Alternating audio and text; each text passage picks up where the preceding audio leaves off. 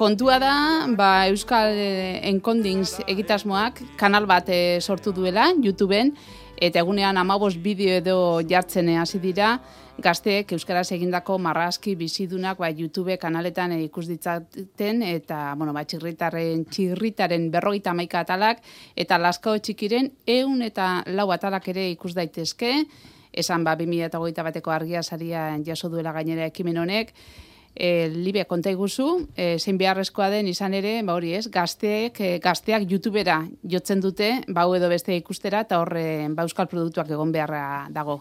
Bai, hori da, e, oso ekimen interesgarria eta ikaragarrizko ekarpena izango dena da, YouTubeko kanalean e, ikusentzunezko edukiak irisgarri jartzea, Hain zuzen ere, haien leloa YouTubeen da Euskaraz ikusi, Euskaraz entzun eta Euskaraz bizi. Eta, eta hori da gakoetako bat, Euskaraz bizitzeko gaur egun digitalean ere bizi gara eta eta YouTube gure eguneroko e, parte handi bat da kasu batzuetan eta gazten eta umeen ikusentzunezko kontsumoan gero eta gehiago. Orduan, hauek sortu dute kanala, 2008 bateko abenduan sortu zuten, YouTubeko kontu bat, e, honezkero, zazpimila bosteun ikusaldi pasa bilatu dituzte, zazpireun da berroita bat arpide dun, eta sortzireun bideo baino gehiago jarri dituzte. Sortzireun bideo baino gehiago horretan, aipatu dituzue batzuk, e, asko marraski bizidunak dira, baina adibidez gaur goizan ikusi dut, behatzit erdietan, Igota zeuden gaurko amabost bideoak, pipi kaltza luzeren amabost e, atal, bai, mhm. hori da. Eta zer gaitik igotzen dituzte egunero amabos bideo, bai igotzen dituzte egunero amabos bideo, plataformak berak bai mentzen duen erritmo bat delako hori, ez da? Ez da izan identifikatua, e, pues, erabilera fraudulento batean e, edo beste. Baina, egunero amabos bideo igotze honetan, da biltza ikaragarrizko katalogoa zabaltzen, Eta Euskal Encodings, ezagutzen ez duen arentzat, agian konbeni da asaltzea apurtxo bat nondik datorren edo zer den, ez da? Eta Euskal Encodings berez da, sarean, e, Euskarazko film eta telesaiak biltzeko biltegi bat. E, esan, esan alda Euskarazko biltegi handiena izango dela, 2002an abiatu zuten haien bidea, hausolanean oinarritzen dira, irabazi asmorik gabeko komunitate ireki bat da, eta jartzen dituzte pelikulak eta telesaiak Euskaraz, sarean, jaisteko edo online ikusteko. Foro estilora funtzionatzen dute, doainik eta publizitaterik gabe. E, mila eta bosteun, film baino gehiago daude bertan dagoeneko, hori dela eta eman ziren iaz argiak e, beraien argia sarietako bat, eta hasieran hasi ziren e, Euskaltzale talde bat, dragoi bolako atalak igotzen, denon eskura jartzeko asmoz, eta gerora, ba, bestelako lanetan ere aritu dira, Eta mila eta bosteun pelikula eta film artean, aipatu behar da, mila baino gehiago dirala bikoiztutakoak eta gainontzekoak azpititulatuta ere, ez da? Eta beraz, jendeak e, aukera daukala parte hartzeko proiektuan e, libreki eta bere karpenak egiteko. Izan azpitituluak egiten, izan e, pelikula zarrak digitalizatzen, VH zarrak, grabaketak, edo dana delakoa. Eta foro bat danez, arauak ere badagoz, eta arauoien artean adibidez ez dute ba, euskal filmik argitaratzen EITB-en emititu arte, ez duten musikarik argitaratzen, ez libururik, euskal egileak bultzatzea da beraien asmoa, baina era berean euskarazko ikusentzunezko eskaintza eskuragarri jartzea eta bateratzea eta eskaintzea, ezta?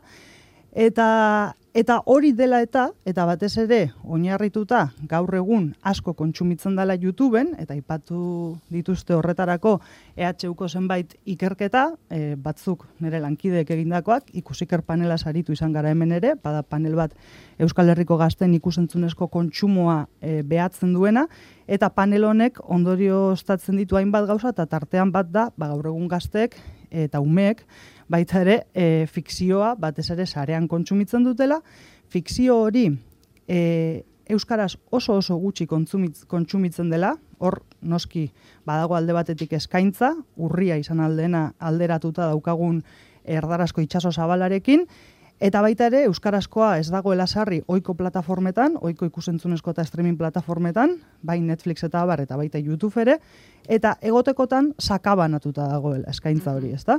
Eta, eta bide horretan, aspiratziak ere Euskaraz, ez dira, horren zabalduak, eta beraz, ondorio estatu dute Euskalen kodinzekoek, YouTubeen kanal bat zabalduko dutela, YouTubeen e, ekoizpen hori eskuragarri jartzeko. Eta hain zuzen ere, YouTube, YouTubeek plataformak badaukalako bere algoritmoa. Eta algoritmo honek e, lehen etxi egiten ditu, berak proposatutako edukietan, ze badakizu sartzen zara YouTubera eta gero berak beste batzuk proposatzen bai, dizkizu, bai. ikusi ja, ba lehen esten ditu, e, segun eta zer ikusi dozun aurretik. Beraz, Euskarazko kontsumoan egon basara hizkuntzare izango da ardatz bat, baina ez horiek hizkuntza. Egon basara ikusten e, demagun pipik altza luzeren e, atal bat gaur goizean, eta baldin badaude lotuta atal gehiago, eta hori kanal batean antolatuta, eta ala, antolatzen hasi dira, pues logika horrek eramango zaitu zenbat eta eduki gehiago, egon euskaraz orduan eta proposamen gehiago egitera eta bata bestearen osteko kontsumoa bultzatzera.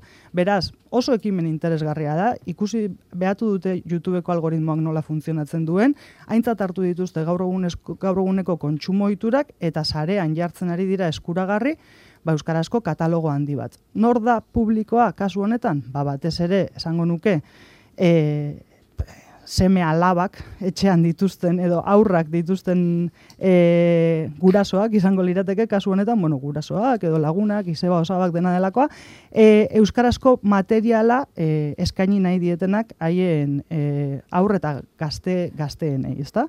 Eta, eta hor dago YouTubeen, Euskal Encodings kanala, kanal zabal bat, erabilterraza, doakoa, bertar arpidetu daiteke, eta bueno, agian, aipatu behar da ere, dena ez da izango e, lore, serpentinaz betetako loreak aipatzea, igual esan behar da, marraski batzuk apur bat demode xamarrak izan aldiala, ni umen nintzen garaikoak gutxienez, baina, baina ikaragarrizko biltegia da, eta ba, aipatu izan dugu hemen ere, e, youtuberrak, youtuber umeak, influencerrak, asko asko kontsumitzen direnak Euskal Herriko etxeetan ere, bueno, pues euskarazko edukia ere badagoia da. Euskal Enkondings Eta zinen egoitz begira, ez dakit. Bai, horre... begira, baita ere aipatu azpititulak.eus, mm -hmm. elbidea, e, bertan e, euskerazko azpititulak deskargatu ditzazkegunak.